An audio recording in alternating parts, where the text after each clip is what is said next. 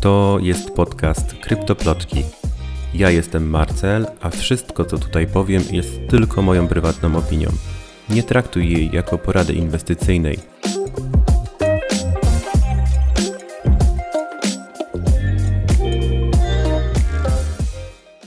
Co to jest Bitcoin i jak działa? Co to jest blockchain? Czy muszę kupić całego Bitcoina? Na te pytania odpowiedź znajdziesz w tym odcinku.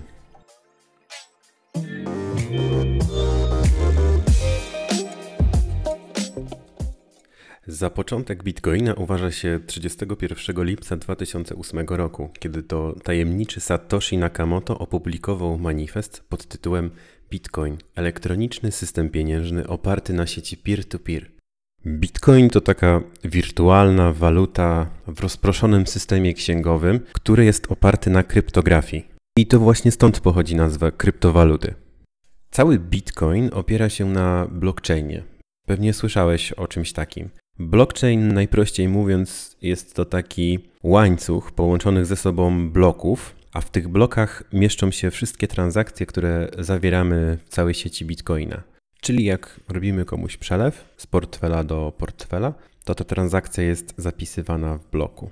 Każdy z bloków w łańcuchu ma określoną pojemność, czyli ilość transakcji, która zmieści się w takim jednym bloku.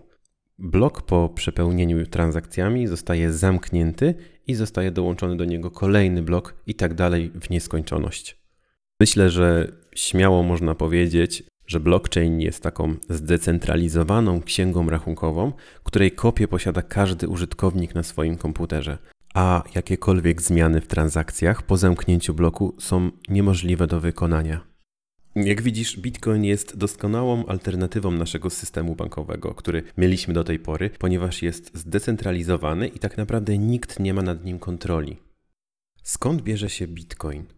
Bitcoin trafia do obiegu poprzez tak zwany mining, czyli kopanie. Jest to rozwiązywanie przez komputer trudnych matematycznych zadań. Komputer, który odgadnie rozwiązanie zadania, zamyka kolejny blok łańcucha i dostaje od sieci nagrodę w postaci bitcoina. Za momencik wrócimy do miningu, ale najpierw chciałbym Ci przedstawić algorytm konsensusu. Co to takiego jest? Aby w sieci nie zapanował chaos, każdy z węzłów musi posiadać taką samą kopię bazy danych, czyli blockchaina. I za to właśnie odpowiada algorytm konsensusu, który, mówiąc w bardzo dużym skrócie, wykorzystuje moc obliczeniową górników do wytwarzania bloków. Oczywiście górnicy nie robią tego za darmo, ponieważ za wykopanie bloku dostają nagrodę od sieci w postaci bitcoina. Z czasem trudność wydobycia bitcoina jest coraz wyższa, a nagroda dzieli się o połowę. Powoduje to, że bitcoin jest pieniądzem deflacyjnym. Z czasem sieć będzie dążyła do tego, żeby wartość nagrody za wykopany blok wynosiła zero. Od tego momentu górnicy będą otrzymywać wypłaty tylko z opłat transakcyjnych. Gdybyś był ciekaw, wartość nagrody po wydobyciu bloku w tym momencie wynosi 6,25 BTC. Ale jeszcze w 2012 roku górnicy za wydobycie bloku dostawali 50 BTC. W tej chwili jest to równowartość 11 milionów złotych. Ile jest wszystkich bitcoinów?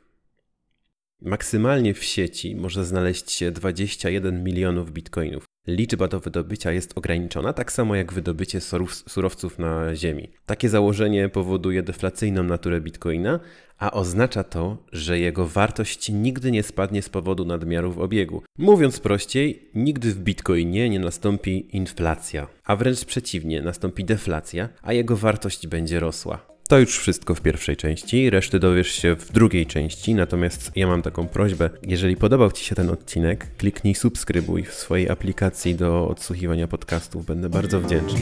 Do usłyszenia.